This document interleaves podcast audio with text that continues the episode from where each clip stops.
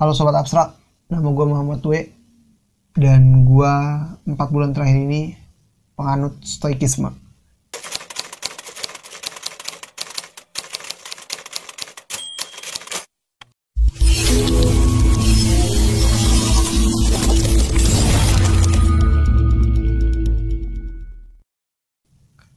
Overthinking. Mungkin tidak asing lagi di telinga lu apalagi kalau misalnya lu generasi Gen Z. Gen Z ya Gen Z.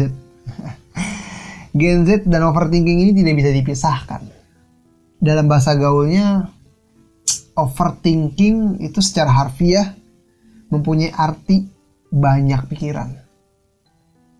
Uh, lalu timbul pertanyaan bang apakah overthinking itu hal yang wajar? Pada dasarnya overthinking itu pikiran negatif Nah, pikiran negatif ini dan rasa cemas itu adalah hal yang wajar dan bisa terjadi pada semua orang. Lalu bagaimana bahayanya overthinking? Dampak yang lebih berbahaya dari overthinking adalah penyakit mental. Seperti gangguan kecemasan, depresi, dan serangan kepanikan lu akan semakin tinggi pada orang yang sudah memiliki penyakit mental. Lalu berpikir berlebihan pada hal-hal yang sebenarnya tidak perlu dipikirkan. Itu ternyata bisa memperparah gejalanya. Kalau lu mau periksa secara psikologis, baru disarankan jika hal itu selalu terjadi dan mulai berlebihan. Apalagi jika mulai muncul gejala yang lain dan juga mengarah pada gangguan ke psikolog lu, gangguan mental lu gitu.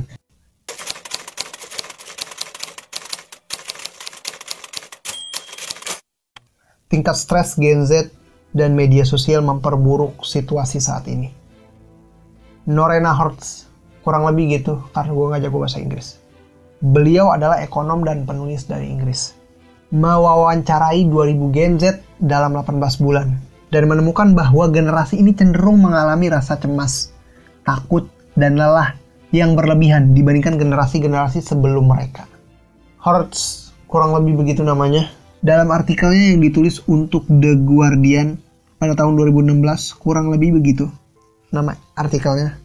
Bahkan menjuluki generasi ini sebagai generasi K. Diambil dari kata Katniss Everdeen. Kurang lebih begitu karena gue tidak paham bahasa Inggris. Dan juga susah menghafalkan bahasa Inggris. Karakter dalam Hunger Games. Kurang lebih seperti itu bahasa Inggrisnya. Menurutnya, seperti Katniss, mereka merasa dunia ini yang mereka huni adalah seperti dunia distopia yang gelap, keras, dan tidak setara. Hertz, kurang lebih begitu namanya menambahkan bahwa Gen Z tumbuh dewasa di era serba cepat, di era perkembangan teknologi yang begitu pesat, dan dalam bayang-bayang ekonomi, ketidaknyamanan persaingan, dan tuntutan pekerjaan. Hal ini yang membuat mereka insecurity dan overthinking menjadi sahabat karib mereka.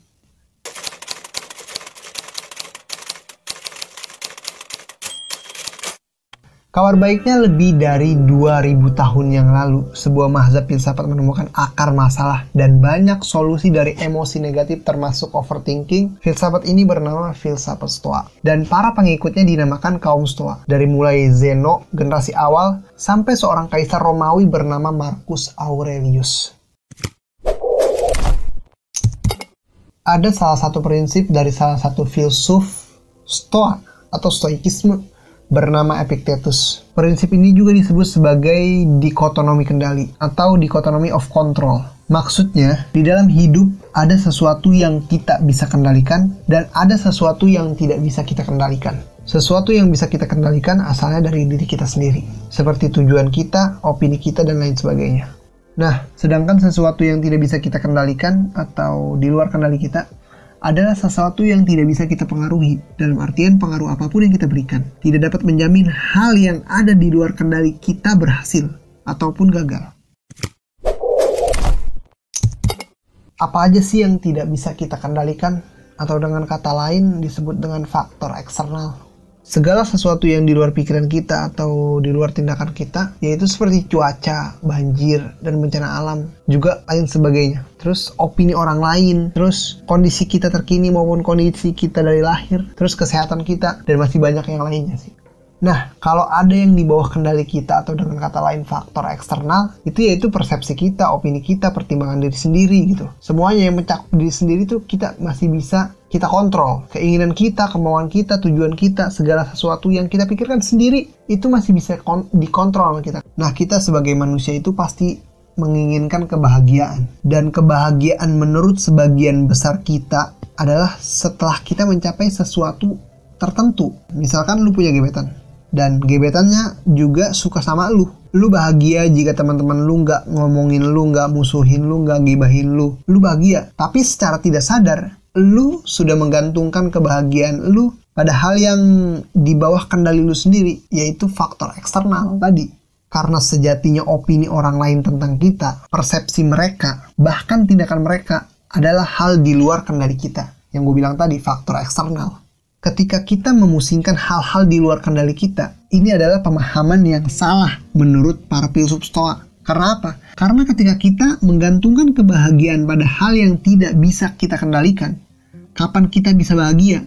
Contohnya, kita terobsesi dengan artis Korea, sehingga kita ingin terlihat seperti mereka yang mungkin tampan, putih. Kemudian kita menyesali diri sendiri karena kita buluk, hitam, gak jago ngedance. Terus sekarang bagaimana? Kita menyelesaikan kondisi kita yang ada di dunia ini. Apakah kita nggak bisa nge-request sebelum roh kita ditiup? Ya Tuhan, aku ingin mirip seperti Jungkook gitu. gak ada faedahnya. Jadi kita menggantungkan kebahagiaan di luar kendali kita. Karena itu, itu yang bisa menimbulkan keresahan. Yang bikin lu overthinking gitu. Itu penyebabnya men. Oke, gue ngambil contoh dari luar deh. Dari luar negeri. Gue ngambil contoh dari dalam negeri. Oke, lu mungkin tahu Afgan. Afgan Tahu kan Afgan? Sekelas Afgan, orang yang sudah tenar, ternyata perjalanan cintanya itu nggak mulus, men. Bahkan dia pernah mengalami patah hati akibat cintanya ditolak. Selain Afgan ada Ariel Tatum. Siapa yang nggak tahu Ariel Tatum, men? Wajahnya cantik, badannya seksi. Tapi siapa yang sangka? Ternyata dia pernah merasakan pahitnya ditolak laki-laki.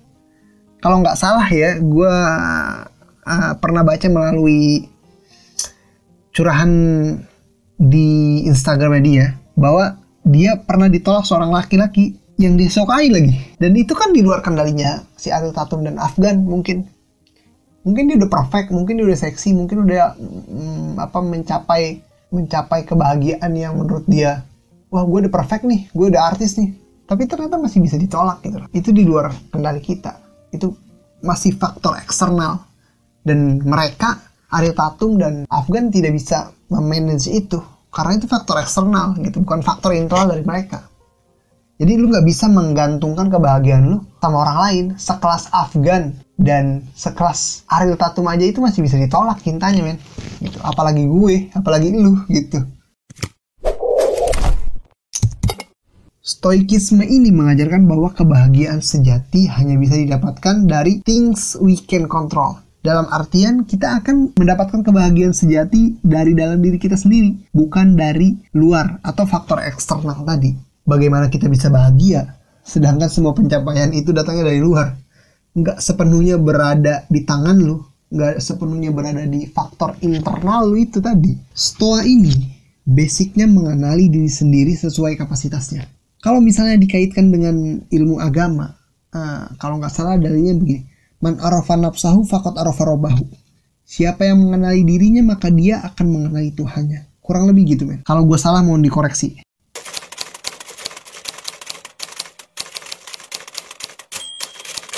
memang bukan perkara mudah sih untuk memahami filsafat stoikisme, apalagi menerapkannya gitu. Dibutuhkan waktu yang relatif gak sebentar, kesabaran yang sangat sabar banget, konsekuen untuk bisa menerapkan nilai-nilai stoikisme dalam diri lu sendiri gitu. Nah, tetapi ketika lu mau berusaha, pasti keberhasilan itu akan menunggu lu di depan. Dan menurut gue jangan menyerah. Untuk kita yang sedang dilanda overthinking, dilanda pikiran negatif, mendapat hujatan sana sini, please man, be strong.